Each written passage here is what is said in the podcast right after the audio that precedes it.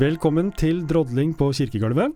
Eh, vi er tilbake etter en sommerferie som ble lang, og vi skal fortsette å drodle. Her i studio så har jeg med meg Linn Sæbø Rystad. og, Tor Olav Gauksås. og jeg er Brage Molteberg Midtsund. Vi er den faste gjengen, drodlerne. Eh, og starter høsten med en eh, liten episode i dag som fortsetter på litt av det vi snakka om sist, nemlig gudstjenester. Eh, og det kommer vi til å snakke om utover høsten, eh, med ulike måter å gå inn i det temaet på. Og vi tenkte å starte i dag med å snakke om preken.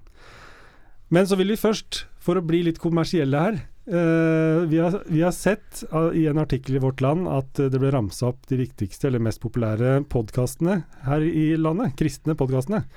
Og vi ble ikke nevnt. Vi var ikke med. Eh, og det er jo sårt. Nei da. Men Jo. vi Jo, det er litt, Det er, litt sårt. Vi er, vi er klar over at vi har en veldig smal målgruppe, men vi har faktisk ganske mange lyttere. Uh, og vi har satt oss som mål, da, bare for å si det til våre meddrodlere, at uh, vi må bli nevnt i vårt land neste gang de tar en runde. Så hvis dere har lyst til å hjelpe oss med å spre denne podkasten uh, ved å dele, men også ved å gi karakter eller stjerne eller hva man gjør på, på Apple eh, Podcast eller eh, Spotify eller hvor det er, eh, så hjelper du oss med å spre dette. Tusen takk hvis du kan gjøre det. Så kan vi prøve å havne i vårt land. Det, er, det hadde vært veldig stas. Enig. Men altså til eh, det vi skal snakke om i dag. Vi skal snakke om prekenen i gudstjenesten. Og andakt. Og andakt. Så dette blir ikke bare gudstjenester. Eh, vi snakker om prekener, som vi gjør ofte i gudstjenester, men også andakter. Det gjelder det òg, da. Eh, Linn, kan ikke du si litt hvorfor vi skal snakke om det? Nei, det er jo en viktig del av gudstjenesten, og så er det jo det jeg er mest opptatt av sånn faglig. så jeg benytter enhver anledning til å snakke litt om det. Eh, men så er det også noe som, i hvert fall erfaringsmessig fra studenter, at det er mange som syns er veldig gøy, eh, men også syns er ganske vanskelig. Eh, og at særlig og det å skulle holde en andakt eller en preken for barn og unge er noe mange syns er ekstra utfordrende. da. Så det tenkte vi vi måtte snakke litt om. Det må vi snakke om, så det er en utfordring for veldig mange av oss som jobber med eh, å ha andakter og prekener, eh, både ungdommer og voksne. Vi gleder oss til å snakke om det i dag, og det vi hadde tenkt å gjøre først, det var å ta en runde hvor vi forteller litt om vår inngang mm. til det å holde preken, og hvorvidt vi syns det er fint å holde en preken. Linn, vil du starte? Jeg kan starte. Eh, jeg elsker det. jeg syns det er kjempegøy. Eh, og det er fordi at det er både en sånn viktig teologisk jobb, tenker jeg, og hele tida Eller tenker jeg, mener det. At vi Det er sånn vi driver og tolker tekster inn i vår samtid hver, hver søndag, hver ungdomsklubb. Eh, hvert trosopplæringstiltak så driver vi jo med det. Eh, og det er en kjempeviktig del av det å være eh, kirke og stadig vekk tolke de tekstene som vi faktisk baserer oss på. Eh, og så syns jeg også det er noe kreativt og spennende med å skrive og tenke og kommunisere og sette opp. Og så er jeg også sånn skrudd sammen at jeg syns egentlig det er ganske gøy å stå foran en gjeng med folk og si noe. Ja, det er det mange som kjenner seg igjen i, tror jeg. Men hvordan, eh, når du skal holde en preken, hvordan jobber du da, sånn kort, kort sagt? Ja, nei, jeg har akkurat begynt Jeg har akkurat endra åssen jeg jobber. For før så skrev jeg alltid alt. Eh, og så var det ikke alltid at alt det jeg har skrevet ned, var akkurat det som ble sagt. Veldig ofte så endra det seg litt mens jeg sto der. Eh, mens nå har jeg begynt å skrive ned mer stikkord, og så eh, ikke ha fullt manus. Og syns det er litt skummelt. Veldig spennende. Og eh, opplever egentlig en bedre kommunikasjonssituasjon sjøl, da, syns jeg. Når jeg holder, eh, holder meg til punkt. For jeg får mer mulighet til å se opp og se folk inn i øynene. Mm. Kult. Vi kan sitte og diskutere litt hva, hva som er lurt og sånne ting etter hvert. eh, men Tor, Tor Olav, hva Ja. tenker du når jeg sier eh, preken?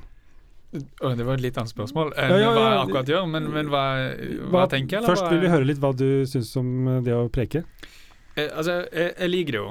Eh, Og egentlig helt siden jeg prøvde å holde andakt for første gang, sikkert en gang i tenårene. Eh, Selv om da var det veldig skummelt. Og når man, noen bare sier 'ja, det var fint', det, så tenker du bare 'yes, det var fint'.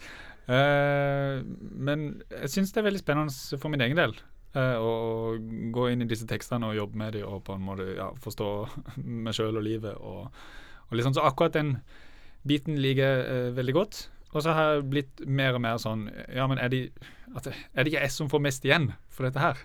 Får ikke jeg mer igjen enn de som kommer og hører på meg? og, og det plager meg litt mer og mer. Uh, at på en måte Er dette det mest effektive måten å gjøre det på? At jeg holder en lang monolog for, for, dere for det jeg har lyst til å, å, si, kontra dialog. Så det har begynt å plage meg litt. Men, men, jeg skriver fortsatt ut alle, alt jeg har lyst til å si, hvert ord. Uh, og så, så, avviker jeg i litt og litt større grad fra det, for å plutselig se at den formuleringa ble litt dum når du faktisk skal si det og ikke skrive det. Og det blir dumt å si dette her i dette rommet, for ja, litt mer frihet, så jeg håper enda å komme litt nærmere der, der Linn er da. At det blir enda friere. Fordi det gjør noe med, med kommunikasjon. Altså det, det, ja, det, er kommunikasjonshandling til folk, da. Det er ikke en, er ikke en tekst alene. Mm. Ja, det var noen, noen, ting, i hvert fall. Ja, og dere lyttere dere vil merke at vi er ikke så veldig ulike, vi som sitter her. Noen vil jo tenke at ja, teksten den er måte, veldig viktig i seg selv. da. Jeg kan si noe om hva jeg føler, og det er at uh, jeg syns jo det å preke er utrolig spennende. Og det har et poeng der, Tor Olav, at eh, det handler veldig mye om meg. For jeg syns det er veldig spennende å jobbe sånn med teksten for min egen del. For da lærer jeg litt om, uh, om hvordan det jeg formidler, Bibelen, eh, treffer meg her og nå. Jeg aktualiserer det for meg selv, på en måte. Mm. Men hvor stor grad gjør jeg det for de andre? Ja, men jeg syns iallfall det er kjempegøy å preke, og på en måte synes det er kanskje der jeg har mest å komme med når det gjelder den prestegjerningen. da. Når det gjelder hvordan jeg gjør det, så er jo jeg Jeg starta karrieren Jeg har prekt og hatt andakt til veldig mye og lenge før jeg ble prest. Men jeg starter med å skrive ut og lese opp. Og så har det gått til å uh, skrive ut og lage punkter som jeg følger. Eh, og så eh, er jeg sånn skrudd sammen at jeg, jeg For meg å stå der og halvveis se et manus, da blir det kaos i huet. Så etter hvert med åra så har jeg blitt slik at jeg fungerer veldig mye bedre uten manus overhodet. Det betyr ikke at jeg dropper uh, å, å, lage eller jobbe med teksten, for den jobber jeg med. Den jeg ser leser bibelteksten lenge før jeg skal holde preken, og jeg skriver notater i en app på telefonen som jeg har med meg overalt. Og er skikkelig gjennomarbeidet, men når jeg står der, så må jeg enten stå og lese opp rett fra arket og forholde meg til det, eller så må jeg droppe det. Og erfaringen min er de gangene hvor jeg, og det har skjedd noen ganger, glemmer manus, og så står jeg og skal holde en preken, det er de beste prekenene jeg har hatt, og det er da jeg har fått best respons. Uh, og når jeg, står og merker, når jeg preker, så fungerer jeg best ved at jeg står muntlig. Jeg har kanskje et lite notatark med noen notater, det har jeg. Uh, men å snakke rett til folk, i øya på dem, og det styrer veldig mye av selve prekenen, for min del. At jeg ser i dem, jeg får en respons. Uh, en gang, jeg skal ikke snakke veldig mye mer, men kanskje min beste preken det var en gang da jeg glemte manus. Jeg skulle snakke om disse to søstrene, uh, Maria. Martha Maria. Martha Maria, som, som var irritert på hverandre. Og jeg snakka om hun ene som da er litt sånn kranglebøtte, som bare er provosert. Mot slutten av prekenen så begynner dåpsbarnet å gråte, og jeg kaller henne en masekopp. Og kirkerommet var bare helt med. Og da fikk jeg liksom både en sånn løft i stemningen, også løfta fram poenget med disse masekoppene og denne søsteren, som faktisk hadde en viktig rolle. Så jeg står og snakker direkte til folk, rett og slett. Uh, og snakker løst. Men det er godt gjennomarbeida. Ja. Står du på prekestol? Står dere på prekstolen? Nei.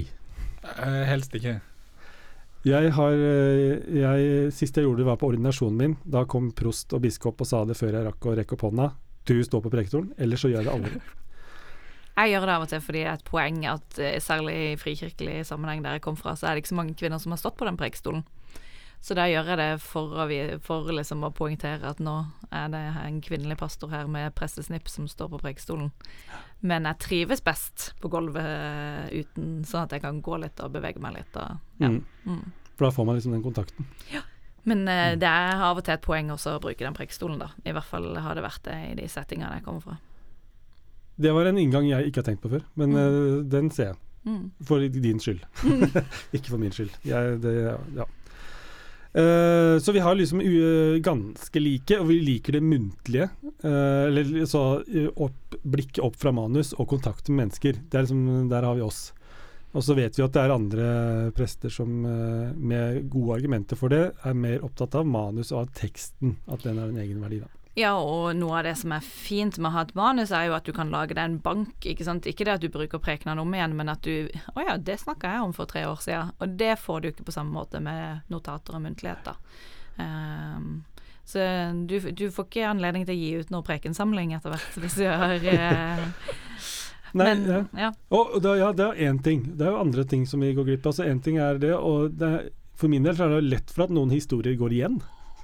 Så er det noe med presisjonsnivået på, ja. på både setninger og teologisk innhold og sånn, som Mm. jeg merker at jeg mister av og til. Men Ja. jeg har liksom en tro på at jeg kanskje øver meg opp til å få tilbake igjen det presisjonsnivået, kanskje på en litt annen måte enn når jeg skrev det. Mm. Ja.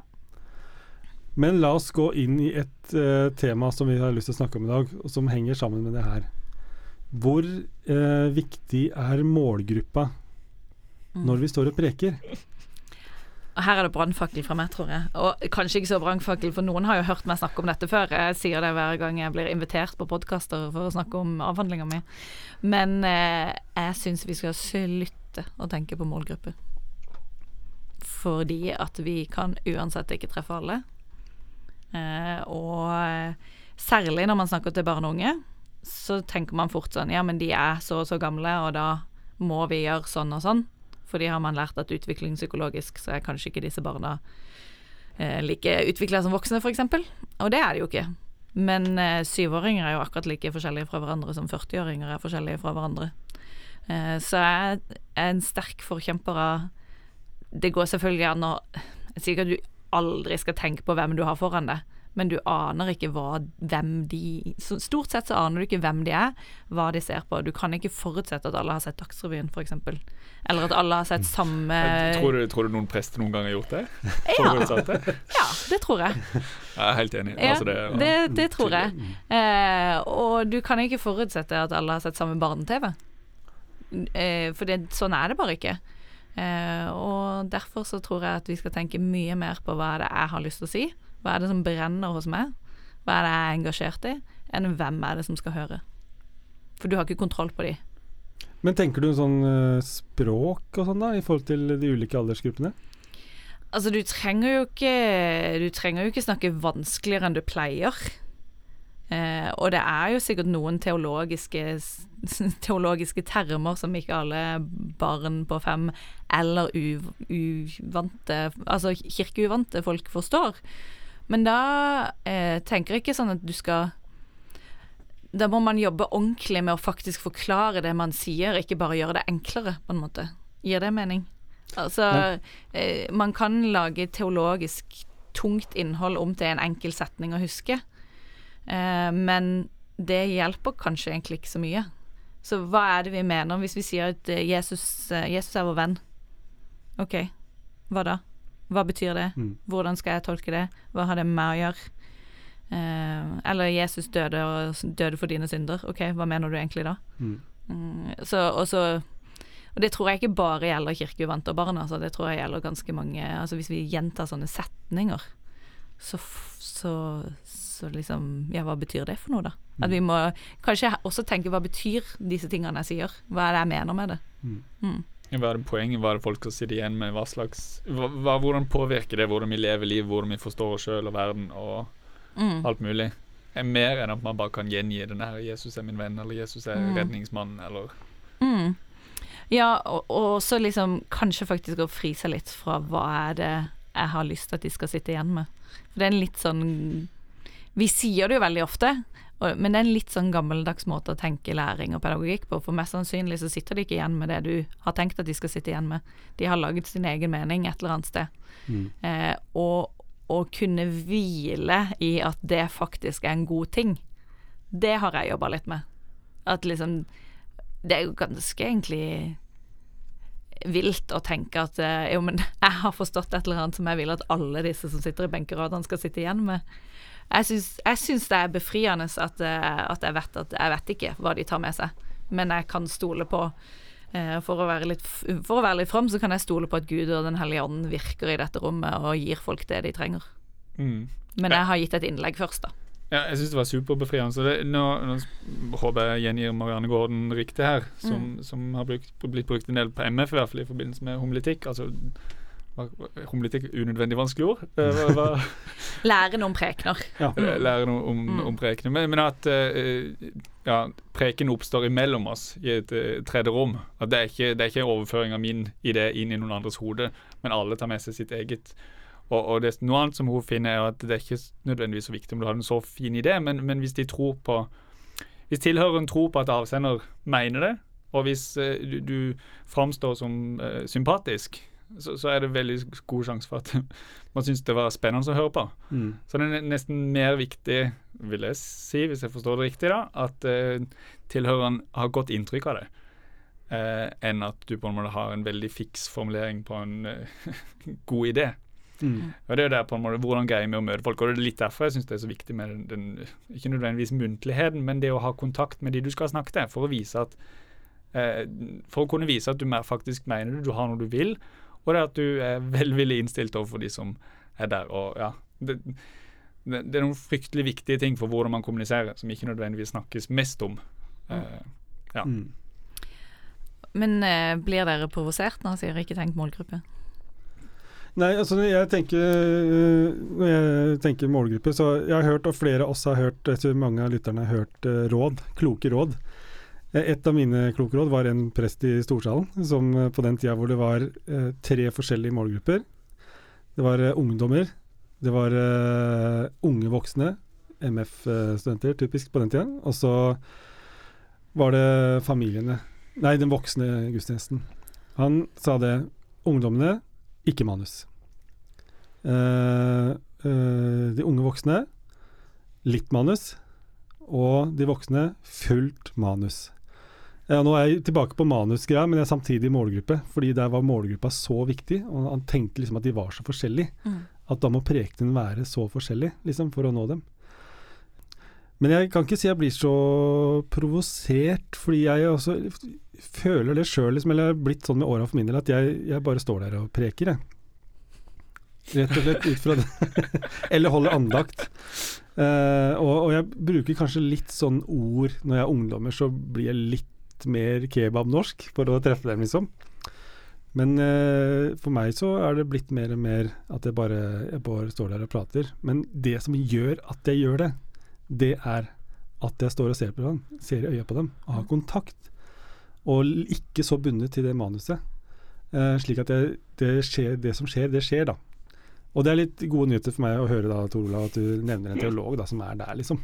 En, At det- nesten all empirisk homiletikk, altså all eh, forskning på homiletikk der man har vært ute og hørt hva hører lyttere, Mm.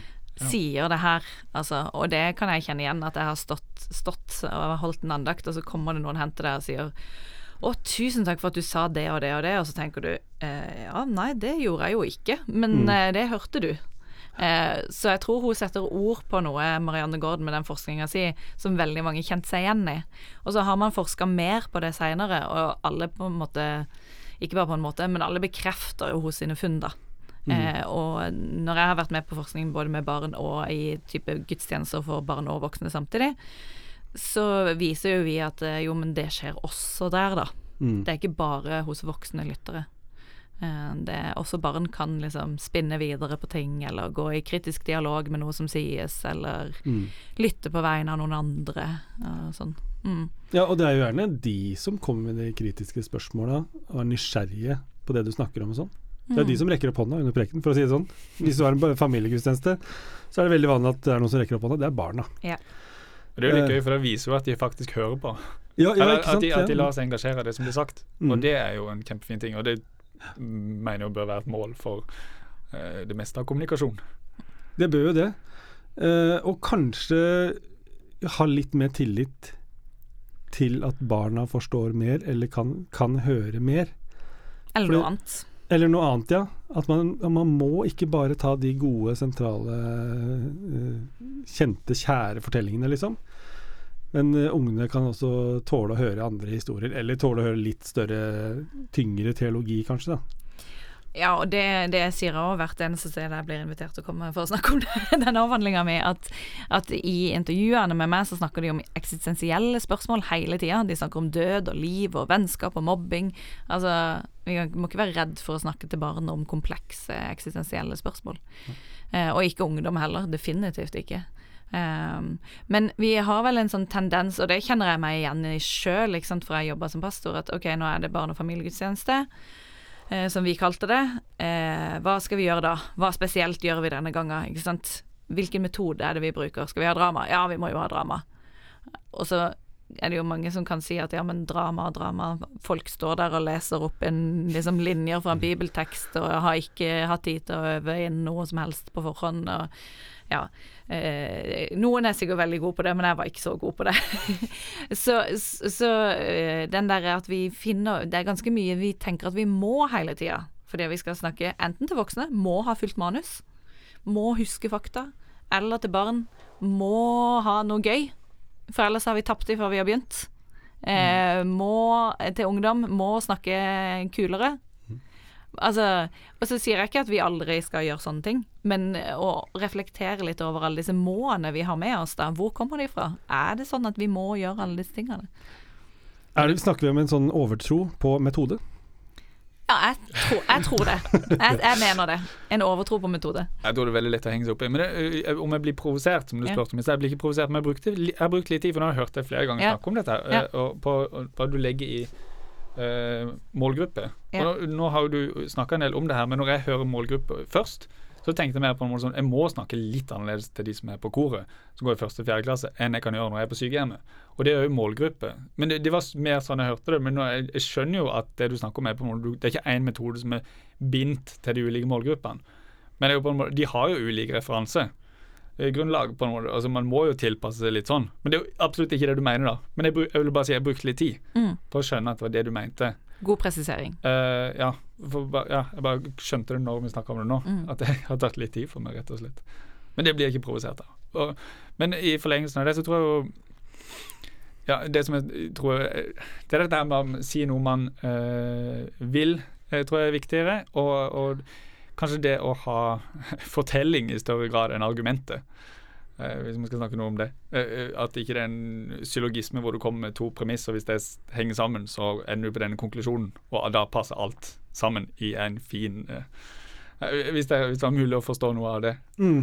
Det tror jeg ikke kommuniserer så bra Eller det kommuniserer bare til meg og noen mennesker, men for veldig mange tror jeg det er veldig kjedelig. Men ja, jeg tror jeg, jeg, forstår, tror jeg forstår, hva du mener. Det, for det handler om, eh, og vi har vært inne på det og snakka om det før podkasten, det må vi løse. Må det være en sånn der, eh, tankerekke som bare løser eh, det, La oss si at vi har en vanskelig tekst. Må vi finne løsningen da? Eller skal det gå opp? er det viktig, Linn? Altså, jeg har alltid jobba sånn. Mm. For å bare kaste, kaste, det ut før jeg sier at nei, vi skal ikke alltid løse ting. Eh, men jeg har alltid jobba sånn, fordi at det har gitt mening. Sånn som, litt sånn som du snakker om, Tor Olav, at eh, jo, men jeg sitter her og jobber med den teksten, og det er noe jeg ikke forstår. Og det er noe av det som er gøyest med å være prest, at du har kjempegod tid til å sette deg ned. Eller ungdomsarbeider, eller ikke sant. At du har god tid til å sette deg ned og jobbe med tekster og prøve å forstå OK, men hvorfor har det noe å si for meg? Eh, for det er jo ofte det vi gjør. Det er jo ofte det spørsmålet vi stiller oss. Eh, men så har jeg lest en homiletiker da, som jeg er veldig glad i, som heter Charles Campbell. Og han er veldig opptatt av at hvis vi alltid får ting til å gå opp hver eneste preken, så skaper vi egentlig et sånn ganske sånn falskt mønster av hvordan kristendom er. For det, folk flest opplever jo ikke at troa alltid går opp, eller at livet og troa alltid går opp. Uh, så det er ikke sånn til én preken. Man kan godt holde et par prekener der, alt, der man løser en vanskelig tekst og liksom kommer med et bidrag til å forstå noe på nytt. Men hvis man alltid preker sånn, da mm. eh, Så det er nok en sånn utfordring til å prøve å tenke Gjør jeg det samme hver eneste søndag, eller hver eneste ungdomsklubb, eller hver eneste konfirmasjonsgudstjeneste? Eller forandrer jeg litt innimellom? Tenker jeg, prøv, Får jeg noen andre innspill? Tenker jeg litt annerledes? Mm. Mm. Og når jeg ser for meg, hvis jeg skal se for meg selv i, i benken, som menighet tilhører i, så vil jeg tro at det, det er litt sånn uh, For hvis jeg kan si noe om livet, så er det at alt går ikke opp. Eh, det gjelder både de som har det tungt på en eller annen måte, men også de som har en småbarnsfamilie. De vet det veldig godt, at ting går ikke opp. Eller alle, alle opplever at noen ganger så går ikke ting opp. Og så er det noe med å sitte og høre en eh, prest som eh, også erkjenner at ting ikke nødvendigvis går opp. Mm. At det er noe med den der Ok, det vil gjøre noe med min lytting. Mm. At jeg vil oppleve at ja, men det Å, Linn. Oi, der er det en Mhm. annen som opplever det samme som meg, da. At det ikke alltid går opp, liksom. Og Det henger jo litt sammen med det du sier med at sympati og eh, skape et eh, Det trenger man jo ikke ha bygd på forhånd, det kan man jo bygge der og da. Mm. Eh, og at eh, Å ja, men jeg kjenner meg igjen i dette mennesket som står der og prøver å si noe til meg. Ja, for det, altså, det er jo i forlengelse jeg, jeg tror noe som alltid går opp. Og hvis det alltid høres sånn ut for de som er autoritetspersoner side, så vil man jo tro at tro er noe som alltid skal gå opp. Og hvis jeg ikke jeg opplever det sjøl, så er kanskje ikke tro noe for meg. Uh, ja, og det, det er kjempedumt hvis folk skal tenke det. At, og det er det jo mange som har kjent på. Ja, at uh, det ser ut som at alle andre har ting på plass, og at Ja. er så lett, og det er bare en trøst. Og liksom, altså, og det, det, ja, det er noe med å ta tak i det, det der òg. La noe ligge åpent og ja. Mm. Ja, det er jo et åpent landskap foran oss, det her. Både livet, men også Bibelen.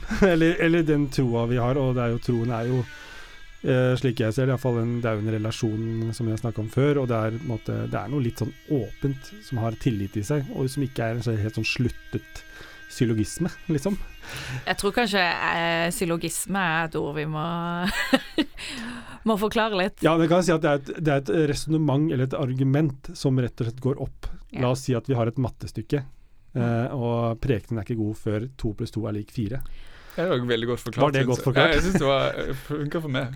Og det er jo ikke så rart, for mye av liksom, det man lærer på universitet om prekenen, er jo henta fra retorikken, og der bruker man jo sånne type ting. Mm. Eh, der man liksom tenker jo, men det må være den og den oppbygginga, og så skal man overbevise, ikke sant. Eh, og, og det er mye veldig fint å hente fra retorikken, altså når man skal Mm. tenke forkynnelse og kommunikasjon. Mm. Men det er jo også noe med at eh, dette er ikke politisk retorikk. Det er, ikke, det er noe annen type, da. Eh, det er en annen type kommunikasjonssituasjon. Vi vil noe litt annet Ja. i en anlagt til en preken. Ja. Og nå snakker vi om, eh, bare for å presisere, at vi snakker ikke bare om gudstjenesten klokka- gudstjenesten 11, men også ungdomskveld eller barneklubb eller hva det skulle være. Ja, for jeg er i hvert fall av den overbevisning at selvfølgelig det er noen andre rammer rundt en gudstjenestepreken, men det er ikke så forskjellig som vi kanskje ofte skal ha det til, da. Mm. Eh, andakt eh, på ungdomsklubb eller på trosopplæringstiltak eller i gudstjeneste. Mm. Det igjen er liksom Jeg tror på mange hø måter høres det veldig enkelt å si Ja, men hva er det du har lyst til å si? Hva er det du har lyst til liksom, Hvor er det det hva, hva, hva brenner? Men jeg tror det av og til er så enkelt og så vanskelig som det. For det er jo ikke alltid lett å få det engasjementet opp. Det er jo ikke alltid du er kjempeengasjert i det du har tenkt å si. Nei. Det, er, det, er, det kan jeg ta, takke ja til, holdt jeg på å si. For jeg, en ting jeg kunne sagt om For jeg holder jo mange som prest, jobber prest i hverdagen, så har jeg mange andakter, eh, gjerne i løpet av en uke. Og det jeg kan si er at på mine søndagsandakter eller ungdomsklubb så kjører jeg manusløst. Men begravelser, f.eks. Der leser jeg opp fullt manus. Og jeg skal ikke si så mye om akkurat metode og sånne ting i forhold til det, annet enn at jeg som prest, og jeg tror det gjelder alle som jobber i kirkelig sammenheng eller med barne- og ungdomsarbeid, man er, ikke, man er ikke alltid klar med en sånn sterk vilje og et budskap 'Å, jeg har så lyst til å si det', til tre-fire begravelser da, for min del i ei Mm. uke, på en uke. Mm. Så noen ganger så må man jo si noe, bare si noe, Mm. uten at du har det engasjementet, liksom. Mm. Så det er en trøst da til de som skulle føle pressa på at, uh, at de føler at ja, men jeg ikke Jeg brenner ikke for en ny andaktshverdag, liksom.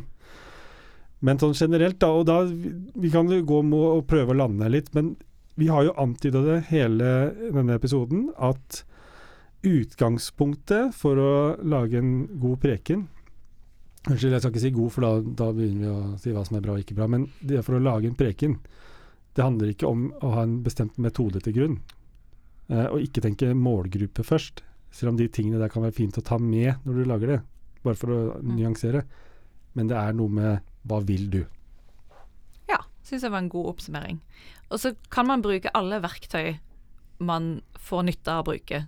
Og eh, jeg tenker at eh, Vi har jo alle snakka nå om utvikling i hvordan vi preker på, ikke sant. Eh, hvis du er helt nyutdanna eller akkurat ny i jobben på nytt sted, så er det jo ikke sikkert du skal Hvis ikke du er komfortabel med å kaste deg ut i manusfritt, så ikke gjør det, da. Mm. Altså, ikke Jeg har litt sånn behov for at det kommer egentlig ingen direktiver herfra. Ja, nei, det men, gjør det ikke. men. Mm. men, at, men at det er, handler så mye om hva, hvor, hvor du er komfortabel. Altså, selvfølgelig kan man pushes og komme ut i det ukomfortable av og til, og kanskje skal man det. Men det er ikke sånn at jeg kan, etter jeg har forska på forkynnelse for barn og unge, kan si du skal gjøre det sånn, sånn og sånn og sånn. For det er så utrolig avhengig av den lokale konteksten du står i. Mm. Men å ha litt sånn Jeg tror i hvert fall at jeg slapper av når jeg skjønte at OK, men det er ikke sikkert at jeg må lage drama hver eneste gang jeg skal snakke til barn. Det, hvis ikke jeg trives med det, så kan jeg kanskje gjøre noe annet. Eh, så liksom faktisk bruke litt tid på å reflektere. Hva er det jeg trives med? Hvordan er det jeg preker? Hvor er liksom utviklingspotensialet mitt? Hvor eh, tør jeg ikke gå helt enda? Eh, og hva slags metoder er det som hjelper meg? Men ikke metode først. Nei. Det er jo- litt eh, direktiv i det, og de, jeg, kan, eh, si, jeg kan være litt mer frampå og si at det kommer noen direktiver da, og det er dette her at jeg tror det å framstå som eh, troverdig, og, og framstå som, som at det er noe du ønsker å si. Det vil jeg si, det, det er direktivet fra meg.